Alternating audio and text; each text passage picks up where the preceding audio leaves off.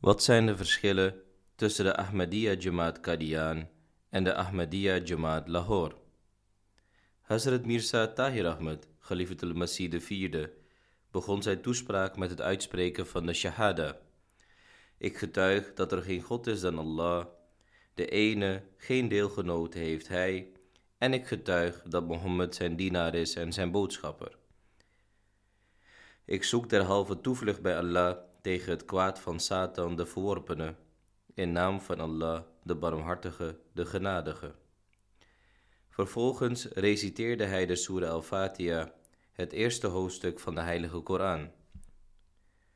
Assalamu alaikum wa rahmatullahi wa barakatuhu. Vrede en de zegeningen van Allah op u allen.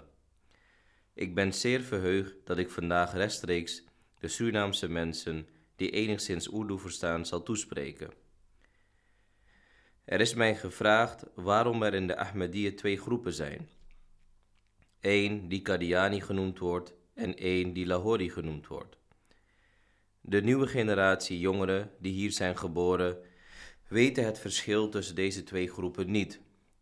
Zo ook op de vraag die anderen ons stellen waarom de Ahmadiyya Jamaat in twee groeperingen is verdeeld.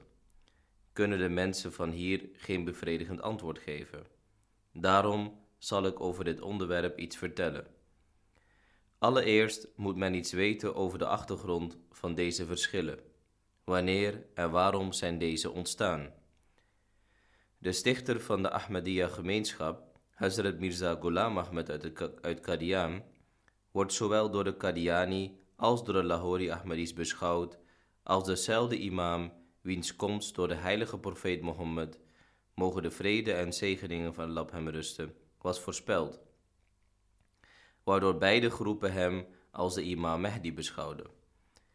Op diezelfde wijze nemen beide groepen hem als de beloofde Messias aan, dat wil zeggen de Messias waarover de voorspelling vertelde dat hij in de latere dagen zou verschijnen en met de genade van Allah over de gehele wereld voor de islam met de jihad zou beginnen. Tot zover waren beide partijen nog één partij. En tot en met het overlijden van Hazrat Mirza Ghulam Ahmed bestonden er geen verschillende punten. Integendeel, beide groepen waren het tot op dit moment eens. En zij kwamen tot overeenstemming dat na het overlijden van Hazrat Mirza Ghulam Ahmed de Jamaat een imam nodig had, die Khalifatul Masih genoemd zou worden. Vanuit dit oogpunt werd de allereerste Khalifatul Masih de eerste imam door wiens hand de gehele Jamaat zich had verenigd door bayat, dat wil zeggen de eed van gehoorzaamheid en trouw aan hem verschuldigd. Hazrat Hakim Nuruddin, Khalifatul Masih de eerste. U moet weten dat er tot zover geen verschillen over het Gilafet en het imamschap bestonden. Zes jaar lang was Hazrat Hakim Nuruddin, Khalifatul Masih I, hoofd van het kalifaat en beleven de Ahmadis die later Qadiani en Lahouders werden genoemd. Hem trouw tot de bayat af te leggen tot aan zijn laatste ademhaling. Na zijn dood ontstond het geschil over de Anjuman, het bestuur van het Jamaat, dat ook door Hazrat Mirza Ghulam Ahmed werd genoemd als Janashin, plaatsvervangend orgaan. De groep die later Qadiani werd genoemd, nam het standpunt in dat de zaken die geregeld en besloten moesten worden na het overlijden van Hazrat Mirza Ghulam Ahmed een oplossing zouden vinden in de belofte van Qudret Isania. Dit is de belofte die Hazrat Mirza Ghulam Ahmed bij zijn overlijden had gegeven. De vraag was waarover Kudret Isania ging. Als deze niet verscheen, dan was de vraag of deze belofte vals was. Maar deze belofte ging in vervulling door middel van het kalifaat. En aan alle leden van de Anjuman, die door middel van bayat trouw waren aan Khalifatul Masih I, was duidelijk gemaakt dat door Allahs leiding het recht van leiding geven alleen is bestemd voor een imam. De Jamaat zal hen kiezen en hij zal geleid worden door Allah. Vanuit dit standpunt heeft de Ahmadiyya Qadian Jamaat keer op keer geprobeerd dit aan zijn broeders uit te leggen en ook dit naar het voorbeeld van onze heilige profeet Mohammed, de boodschapper van Allah, vrede zij met hem, is en dat dit belangrijk is om tot en met de dag des oordeels gevolgd te worden. Het voorbeeld dat hij en zijn metgezellen hebben achtergelaten is zo waardevol dat wij het moeten volgen.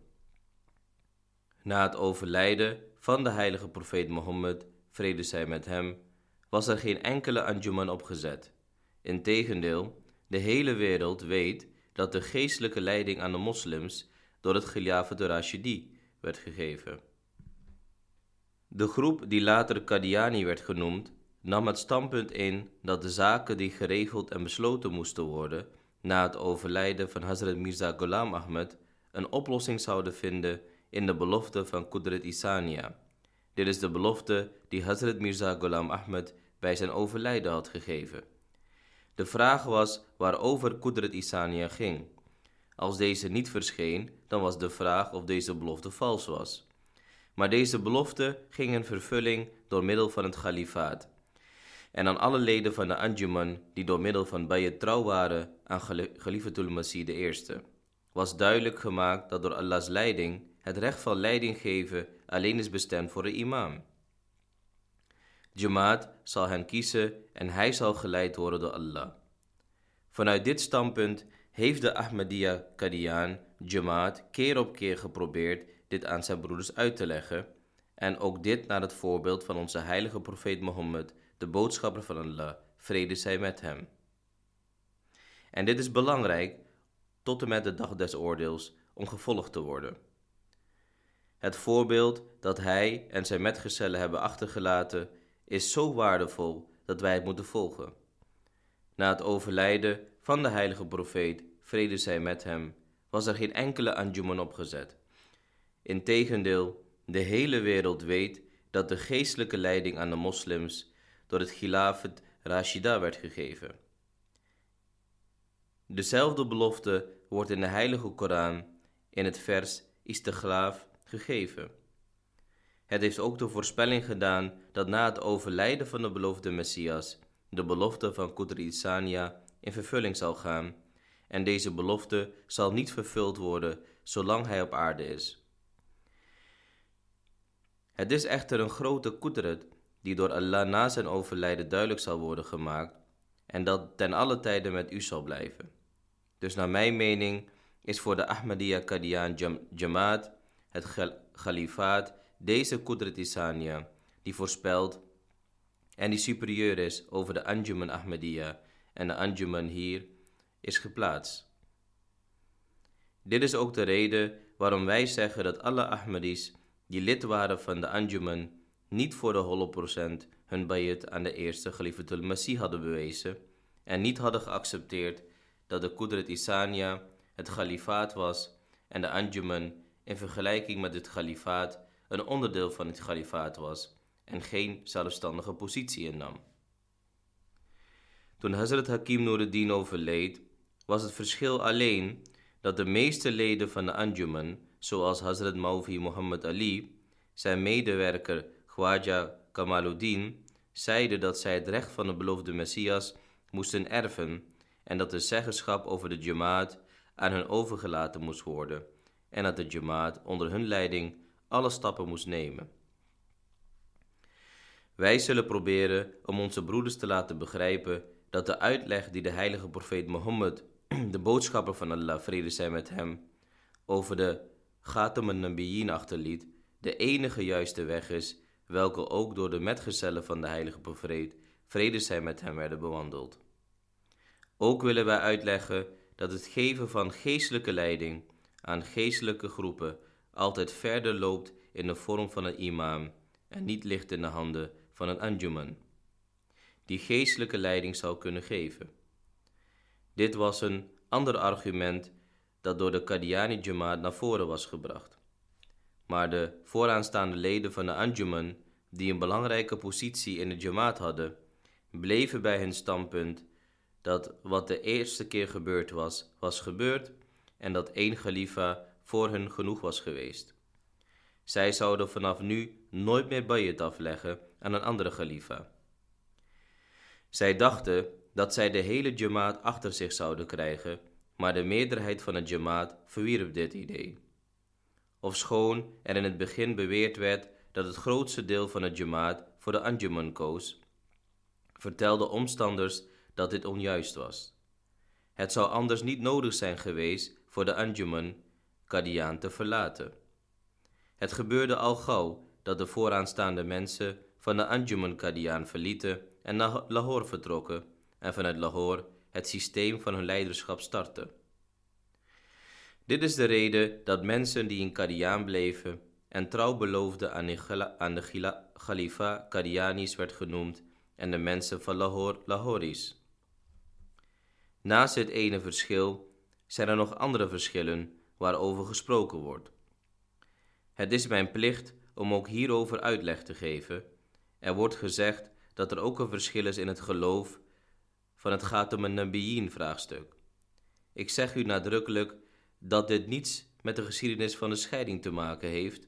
Dit verschil en andere verschillen tussen de Qadiani en de Lahori groep zijn pas later ontstaan. Ten tijde van de scheiding is het gaat om een Nabiyin vraagstuk nimmer te sprake gebracht. Er is zelfs geen enkele discussie over de geloofspunten geweest. Het fundamentele punt was de vraag of het systeem van het kalifaat op dezelfde wijze zou doorgaan zoals in de persoon van Hazrat Khalifatul Masih I, of dat het systeem veranderd moest worden. Dus de Ahmadiyya Qadian Jamaat heeft niets veranderd. Het bleef bij hetzelfde standpunt waarop ook Khalifatul Masih was gekozen. Ahmadiyya Qadian Jamaat verliet ook het centrum niet. Zij bleef in dezelfde plaats. Dit is dus onze standpunt en wij zullen altijd proberen om onze broeders dit te laten begrijpen. Speciaal voor de Ahmadi jongeren die hier geboren zijn, zal ik proberen duidelijk te maken hoe de verschillen zijn ontstaan en wat toen de standpunten waren en vandaag de dag nog steeds zijn. Wij geloven dat een geestelijke gemeenschap wordt geleid zoals deze werd geleid na het overlijden van profeten. Dezezelfde gemeenschappen zullen altijd succes in de wereld krijgen. Dit is dezelfde sunnat waarin Allah zijn zegeningen schenkt. De systemen van geestelijke leiding kunnen niet door anjumans worden geleid. Integendeel, hierdoor worden de verschillen alleen maar groter en deze gemeenschappen maken geen vorderingen, maar vallen uit elkaar. Het tweede punt is het vraagstuk van Ghatam Nabiyin, het zegel der profeten. Dit is zo'n belangrijk vraagstuk dat ik hierop ook enig licht wil werpen. Het verdient speciale aandacht eraan herinnerd te worden dat er tussen de Jamaat Ahmadiyya Qadian, de Jamaat Lahore of de Sunnis helemaal geen sprake is van een discussie over het vraagstuk of de heilige profeet, vrede zij met hem, wel of niet de Ghatam Nabiyin was. Of het nu Qadianis, Lahoris, Sunnis of Shia's zijn. Alle moslims geloven dat het vers van Ghatam Nabiyin een zeer belangrijke vers van de Heilige Koran is. Als dit vers wordt verworpen, dan zullen er geen moslims overblijven. Het is een zeer belangrijk en verheven vers. Apart hiervan blijft het feit dat als men zelfs een klein vers van de Heilige Koran verwerpt, men geen moslim meer is, zelfs wanneer men zichzelf een moslim noemt. Dus over wat er in het vers over Ghatam en Nabiyin staat, is er voor niemand een verschil en heeft zelfs niemand het recht hierover van mening te verschillen. Mocht er toch nog een verschil bestaan, dan is het alleen ontstaan over de uitleg die men aan het vers geeft. Het is verder noodzakelijk dat het vers in welke uitleg dan ook door iemand naar voren gebracht, gesteund moet worden door een, ander van, door andere vers van de Heilige Koran en tevens gesteund moet worden door de woorden van de heilige profeet, vrede zij met hem. Gebeurt dit niet, dan kunnen er vele problemen op deze wereld ontstaan, omdat dan iedereen zijn eigen uitleg kan geven over dit vers en kan zeggen dat hij het recht heeft het uit te leggen zoals hij dat wil. Dit recht kan aan niemand worden gegeven. De Ahmadiyya Jamaat Qadian heeft nimmer op deze wijze uitleg gegeven over dit vers. Nog kan het aan iemand hier voor toestemming geven. Omdat daardoor anders het grote gevaar dreigt dat het ongeloof zich over de wereld zal verbreiden en daardoor de dwaasheid zich ook zal verspreiden. Wij, de Kadianis, beweren dat de betekenis die wij uit dit vers hebben begrepen, wordt ondersteund door andere versen uit de Heilige Koran, en dat onze standpunt tevens wordt ondersteund door de hadith, en deze, dit zijn de woorden van de heilige profeet Mohammed, de boodschapper van Allah, vrede zij met hem. Als iemand dit kan begrijpen, dan is het zeer goed. Als iemand dit niet kan begrijpen, dan heeft hij nog niet het recht om uitspraken van ongeloof over ons uit te spreken, omdat wij het vers niet naar onze eigen idee uitleggen, maar volledig in het licht van andere versen uit de Heilige Koran en volledig in het licht van de Hadith. Onze standpunt over de uitleg van het vers wordt gesteund door deze bronnen. Deze vraagstukken hebben echter meer aandacht in detail nodig en zijn bijzonder ingewikkeld. Zowel de jongeren als de ouderen die vandaag onder ons zijn, hebben niet het vermogen om dit vandaag te kunnen begrijpen. Nog is er de tijd voor dat ik dit puntsgewijs kan vertellen. Over dit onderwerp heb ik tijdens een Jalsa Salana gesproken. De tekst daarvan is in de vorm van het boekje gedrukt in het Urdu, Arabisch, Engels en andere talen. Iedereen die interesse heeft om meer over dit onderwerp te weten te komen, kan dit via de missionaris hier in Suriname of rechtstreeks via Nederland, Londen of Rabwa of via een andere missie bestellen. Ik zal over dit onderwerp op een heel eenvoudige manier iets uitleggen. Het feit is dat wij, wanneer dit vraagstuk aandachtig wordt bekeken, geen enkel verschil vinden tussen de Ahmadis, Lahoris of Qadianis, Sunnis of Shia's. Deze aandacht is er gewoon nooit aan gegeven. Verschil van mening bestaat alleen over wat de positie van de imam Mahdi en de beloofde Messias is. Als er een verschil bestaat tussen de Ahmadis, Qadianis of Lahoris en Sunnis, dan bestaat deze alleen uit het feit dat de laatste zeggen dat de imam Mahdi en beloofde Messias nog niet is verschenen en de Ahmadis zeggen dat deze volgens de profetie van de heilige profeet Mohammed, vrede zij met hem, reeds verschenen is. Nu rijst de vraag wat de positie van de imam Mahdi is en wat de positie van de Messias is. Voor wat betreft de positie van de beloofde Messias, deze is door de heilige profeet Mohammed, vrede zij met hem, zelf uitgelegd. Geen enkele moslim heeft het recht om na het horen van de hadith dat de beloofde Messias een profeet zal zijn, deze te ontkennen. Het is een hadith van het bekende boekwerk Sahih Muslim, waarin over de komst van de Messias wordt bericht. In deze hadith zegt de heilige profeet, vrede zij met hem, nadat het vers Ghatam al-Nabiyin aan hem werd opgebaard, dat de beloofde Messias een profeet van Allah zal zijn. Het woord Nabiullah, de profeet van Allah, wordt in dit boek viermaal gebruikt. Het is een aparte discussie in welke betekenis deze is gebruikt, maar het moet toch voor één ieder duidelijk zijn dat het volstrekt onmogelijk is dat één ieder op deze aarde, die Hazrat Mohammed, vrede zij met hem, een profeet noemt, toch zijn uitspraken negeert. Is er iemand aanwezig die meer kennis heeft van het vers Ghatam Nabiyin dan degene aan wie dit vers was geopenbaard en die zelf de Ghatam Nabiyin was? En als hij zelf niet afgunstig was voor de betekenis van Ghatam Nabiyin, dan had Allah hem de betekenis van Ghatam Nabiyin niet uitgelegd.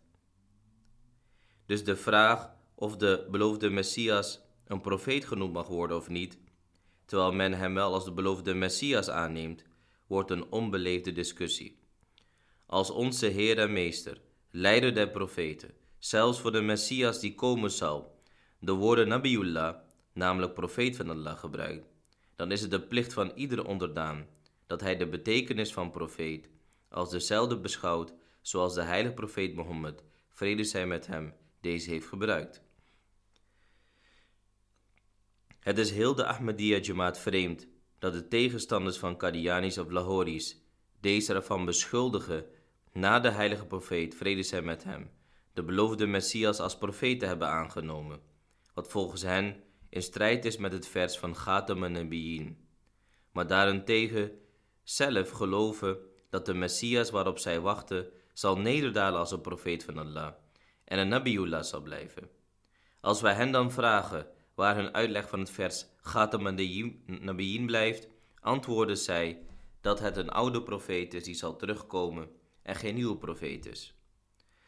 Wij zeggen dan nederig dat hij in de laatste dagen is gekomen en de heilige profeet Mohammed, vrede zij met hem, heeft dezelfde persoon die komen zal, profeet van Allah genoemd.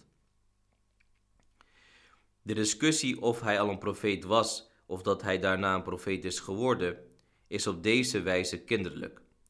De juiste discussie is of hij werkelijk nodig was of niet.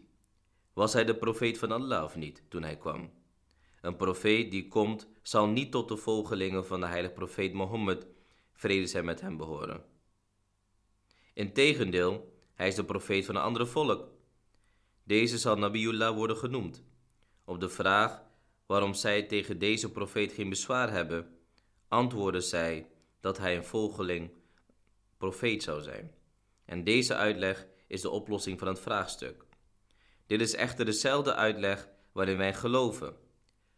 Een volgeling profeet is niet in strijd met het vers Ghatam Nabiyin. Nu vraag ik met alle respect de aandacht van de Lahore Jamaat.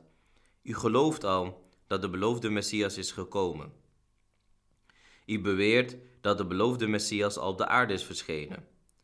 Dan, als deze Messiemaud door de heilige profeet Mohammed, vrede zij met hem, een Nabiullah wordt genoemd, welke recht heeft u dan om niet in hem als profeet van Allah te geloven?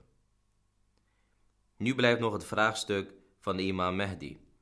Als wij hierover in alle eerlijkheid nadenken, dan vinden wij dat alle Sunni-moslims in feite ook de positie van de imam Mehdi als Nabiullah, profeet van Allah, beschouwen.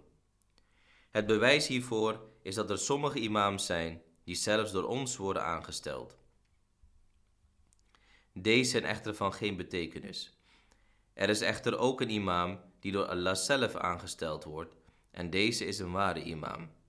En als Allah iemand als imam aanstelt, dan staat hij niemand toe om deze imam te verwerpen. Dit is de reden waarom alle moslims, Sunni, Shia's of Ahmadis, het over het standpunt eens zijn dat Allah zelfs de imam Mehdi zal aanstellen. Er is voor hem geen verkiezing voorgeschreven. Het is dus duidelijk dat wanneer Allah iemand als imam aanstelt, hij niemand toestaat deze imam te verwerpen. Nu moet u goed nadenken over de vraag of er over iemand die geen profeet is gezegd kan worden dat hij door Allah aangesteld is. Het is alleen een nabi, dat wil zeggen een profeet, waarop deze beide definities van toepassing zijn. Dus Allah schept zelfs een nabi en stelt hem als imam en hij staat niemand toe deze te verwerpen. Hij acht het verplicht om in hem te geloven. Alle Sunni-moslims geloven dat wanneer de imam Mehdi zal verschijnen, het voor iedereen verplicht zal zijn in hem te geloven. Deze zou, door Allah aangestelde, zou een door Allah aangestelde imam zijn. Hierop vragen wij waarom zij zo krom denken. Men moet taqwa, rechtschapenheid handelen en de waarheid spreken. Wat hier nodig is, is de definitie van de nabuwat. U hebt in imam Mehdi de eigenschap van profeetschap erkend en toch aarzelt u nu om hem een profeet te noemen. Waarom aarzelt u? De eigenschappen zijn aanwezig.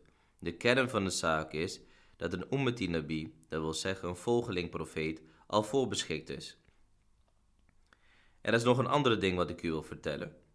Wanneer ik met sommige leden van de Lahore Jamaat spreek, dan zeggen zij dat zij het niet kunnen begrijpen hoe het mogelijk is dat na de heilige profeet Mohammed, vrede zij met hem, een nieuwe profeet kan komen. Ik zeg dan tegen hen dat zij op deze discussie niet moeten ingaan. Zij moeten echter nadenken over de vraag of de komst van de beloofde Messias en de imam Mehdi voorbeschikt is of niet.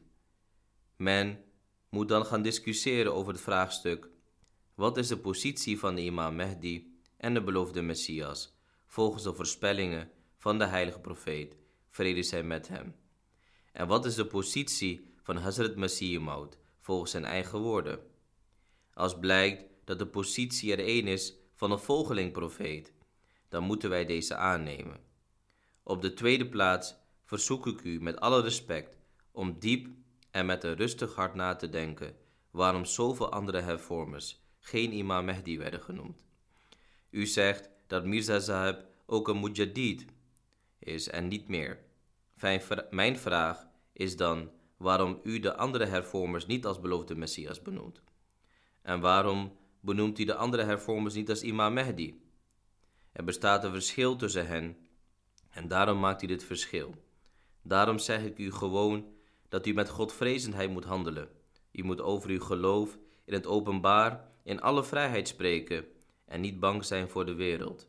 U allen weet en gelooft dat onder alle mujaddids, dat wil zeggen hervormers, er geen enkele was die de imam Mehdi of de Messiëmout was.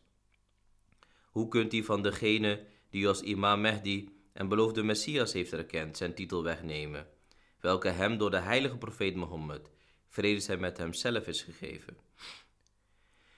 Er is nog een andere ding wat ik u wil zeggen. Ik zeg hier, laten wij ervan uitgaan dat ongeacht uw geloof over de positie van de beloofde Messias en de positie van imam Mehdi, u het tenminste met de Qadianis Ahmedis eens bent dat de beloofde Messias werkelijk waarachtig was en geen vals persoon is geweest. Als de Lahori Ahmedis hem als vals hadden beschouwd, dan hadden zij ook niet als mujadid in hem geloofd. Zij beschouwen hem echter als waarachtig en ook dat Allah zijn openbaring aan hem toestond en dat Allah tot hem sprak. Hij liet hem ware dromen zien en heeft hem over ongeziene dingen verteld. En deze voorspellingen zijn voor onze ogen in vervulling gegaan. Dus in al deze opzichten stemmen wij beide, Qadianis en Lahoris, overeen. Er is geen enkele Ahmadi die hierover een verschil van mening kan hebben. Hazrat Masih Maud, de beloofde Messias, was zeer zeker waarachtig. Maar de vraag is dat wanneer een waarachtige bekend maakt dat Allah hem iets heeft geopenbaard, hetgeen in vervulling is gegaan, welke recht de persoon die in hem geloofd heeft om hierover met hem van mening te verschillen. Luister naar het volgende argument dat ik al eerder heb aangehaald. Wanneer de heilige profeet Mohammed, vrede zij met hem, hem Nabiullah genoemd, volgens de hadith in het boek Sahih Muslim, dan heeft de persoon die deze Messiëmout dezelfde Messiëmout acht als waarover deze voorspelling is gedaan, niet het recht om hem de titel van Nabiullah te ontzeggen. Op dezelfde wijze zal ik u nu iets over de vertellen, vertellen. Nadat hij van God een openbaring had gekregen, deed hij de voorspelling over een reeds voorspelde nakomeling. En hij deed dit niet alleen in deze voorspelling, maar hij maakte ook bekend dat Allah hem, volgens zijn belofte, deze schone nakomeling al had geschonken. Ik zal nu een paar regels citeren van een gedicht van hem, waarin hij zegt: O mijn Heer, ik herinner u zegeningen. U gaf mij een blijde tijding. Het resultaat van deze blijde tijding is dat deze nakomeling reeds geboren is. De belofte van Allah aan de beloofde Messias zal nooit verbroken worden. Zoals in de parken de bomen groeien en bloeien, op dezelfde wijze zullen zijn kinderen voor zijn ogen opgroeien en bloeien. Vervolgens vertelde hij over hun takwa, dat wil zeggen hun godvrezenheid. En de beloofde Messias bad voor hun dat Allah hem niet tot zich zou terugroepen voordat zijn kinderen takwa verworven hebben. Hij zei, O Allah, wanneer u mij tot u terugroept, schenk mij, dan, schenk mij dan de mogelijkheid dat ik voor mijn ogen aanschouw dat mijn kinderen muttaki, dat wil zeggen godvrezend zijn. Nu, als u de Hazrat Messiah als waarachtig beschouwt, dan moet u ook alles wat hij heeft gezegd als absolute waarheid erkennen. Dit houdt in dat zijn kinderen, zoals Allah heeft gezegd, niet verloren zullen gaan. Het is echter vreemd te merken dat jullie in tegendeel geloven dat alle kinderen van Hazrat Messiah Maud, vrede zijn met hem, zonder uitzondering totaal verloren zijn gegaan. Dit betekent dat jullie van het geloof en van de waarheid zijn afgedwaald en een nieuw geloof hebben gemaakt. Ik vraag me af wat er anders dan jullie geloof verloren is gegaan. Het wereldlijk verlies is gering, maar het werkelijk verlies is dat van het geestelijke en het verlies van geloof. Sommige germomein, dat wil zeggen mensen die bij het gelofte aan de khalifa niet hebben afgelegd, gaan soms zo ver dat zij durven te zeggen: Ziet u, de kinderen van de profeten Nu waren ook verloren gegaan. Onze antwoord hierop is dat over de kinderen van Nu, waarover jullie praten, door Allah zelf de voorspelling was gedaan dat zij verloren zouden gaan. Er was niets gezegd dat zij zouden achterblijven en dan verloren zouden gaan. De kinderen waarover ik u nu vertel daarover, zegt Hazrat Masih Maud het volgende. Dit was niet alleen een blijde tijding van Allah, maar ook voedsel voor mijn hart. Dus dit is een totaal ander geval. Allah had dan Hazrat Masih Maud, vrede zij met hem, de blijde tijding gegeven dat deze kinderen nooit verloren zouden gaan. Vervolgens zal er van deze kinderen en de kinderen van hen en hun nageslacht, welke honderdduizenden zullen zijn, geen één zijn die van de goddelijke leiding zal zijn afgekeerd. Hierover moet u diep nadenken en u moet zich erin verdiepen. U moet istighfar, dat wil zeggen vergiffenis aan Allah vragen. En als jullie dit zelf niet kunnen begrijpen, bid dan tot Allah, omdat Hij u dit duidelijk maakt. U moet begrijpen dat de huidige tijd niet meer geschikt is om verschillen te hebben. Het is nu tijd om samen deze problemen op te lossen. De wereld wordt slechter en slechter. Alle samenlevingen in deze wereld gaan verloren, zelfs die van de moslims. U kunt zien hoe deze in verval raken. Ikzelf kom uit Pakistan en velen van jullie komen ook uit Pakistan of India. Jullie kennen de toestand van de moslims uit deze streken. Zij zijn zo in verval geraakt dat liegen, corruptie, slechte praktijken, kindermishandeling, onderdrukking van weduwen en wezen en valse getuigenissen in gerechtshoven aan de orde van de dag zijn. Dit is nu de toestand van de islam. De verschillen worden groter en groter en de andere volkeren onderdrukken de moslims en beschouwen ze als onderontwikkeld, onkundig en dom. De moslims in deze wereld worden afgeschilderd als mensen die in hun vaandel dragen dat een ieder die de islam niet wil aanvaarden met een zwaard, het hoofd afgehakt moet worden, en dat zij leren dat wanneer iemand niet naar hun wil luisteren, dan maar een heel vliegtuig opgeblazen dient te worden. Ongeacht het aantal mensen dat hierdoor de dood vindt. Daarom is er nu geen tijd om verschillen te hebben. Het is tijd om zich samen te bundelen voor de islam. Voor Allah en voor het welzijn van de wereld, om de wereld te redden van vernietiging. Ik nodig u uit met de woorden van de openbaring van Allah. O onze broeders, wend u naar een woord dat tussen ons beiden er één is waarin wij overeenstemmen. Ook wij beschouwen de beloofde Messias als waarachtig. Wij moeten beide een eenheid vormen over het feit dat hij de imam was, welke door de heilige profeet Mohammed, vrede zij met hem, was voorspeld. En we hebben geen van beiden het recht om de benamingen welke aan deze imam door de boodschappen van Allah zijn gegeven te ontkennen. Wij moeten hem volgens deze positie als de imam Mehdi accepteren.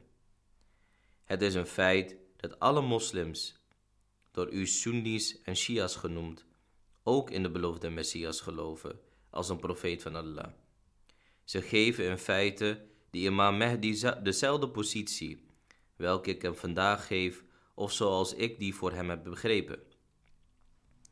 Je moet nu begrijpen dat de imam, welke de Allah zelf is aangesteld, een profeet is. Als hij geen nieuwe wet brengt, of als hij een volgeling profeet is van een reeds verschenen profeet, dan is hij niet alleen dit, maar ook meer dan een dienaar van de sharia van de heilige profeet Mohammed, vrede zij met hem. Hij is een dienaar van elk woord van hem, van zijn sunnah en van zijn hadith. Het is voor zijn volgeling profeet, dat wil zeggen Ummati Nabi, mogelijk om te verschijnen in de umma van de heilige profeet Mohammed, Ghatam Nabiyin, vrede zij met hem. zonder dat dit in strijd is met het vers van Ghatam en Integendeel, dit is zelfs mogelijk volgens een ander vers van de Heilige Koran, waarin Allah, de Verhevene, de belofte gaf. Allah maakt vandaag bekend dat de positie van Mohammed zo groot is dat één ieder die Allah gehoorzaamt en deze boodschappen zal gehoorzamen, alle beloningen zal krijgen en hij zal een ware dienaar van Mohammed, de boodschappen van Allah zijn. Welke soorten van beloning kan hij volgens zijn positie van dienaarschap verkrijgen? Dit vers noemt die beloningen. De eerste beloning is Minen Nabiyina en vervolgens Wasadikina. Hij zal deel uitmaken van de profeten, de waarachtigen, de martelaren en van de goede. En deze zijn de beste metgezellen. Dus de Heilige Koran verklaart dat de mogelijkheid van de komst van een onderdanige volgeling profeet bestaat. En verder verklaart het vers dat de waarachtigen, de martelaren en de goede alleen vanuit de Umma zullen zijn en er buiten de Umma geen enkele beloning is. Al dus roep ik je allen naar deze Umma. Mogen Allah voor u de mogelijkheid scheppen om met echte moed mijn boodschap te aanvaarden. Mocht het niet mogelijk zijn, bid dan tot Allah dat Hij het voor ons mogelijk maakt dat wij samen in harmonie kunnen leven. Amin. Wassalam. Deze audio is ingesproken door Tahir Nato.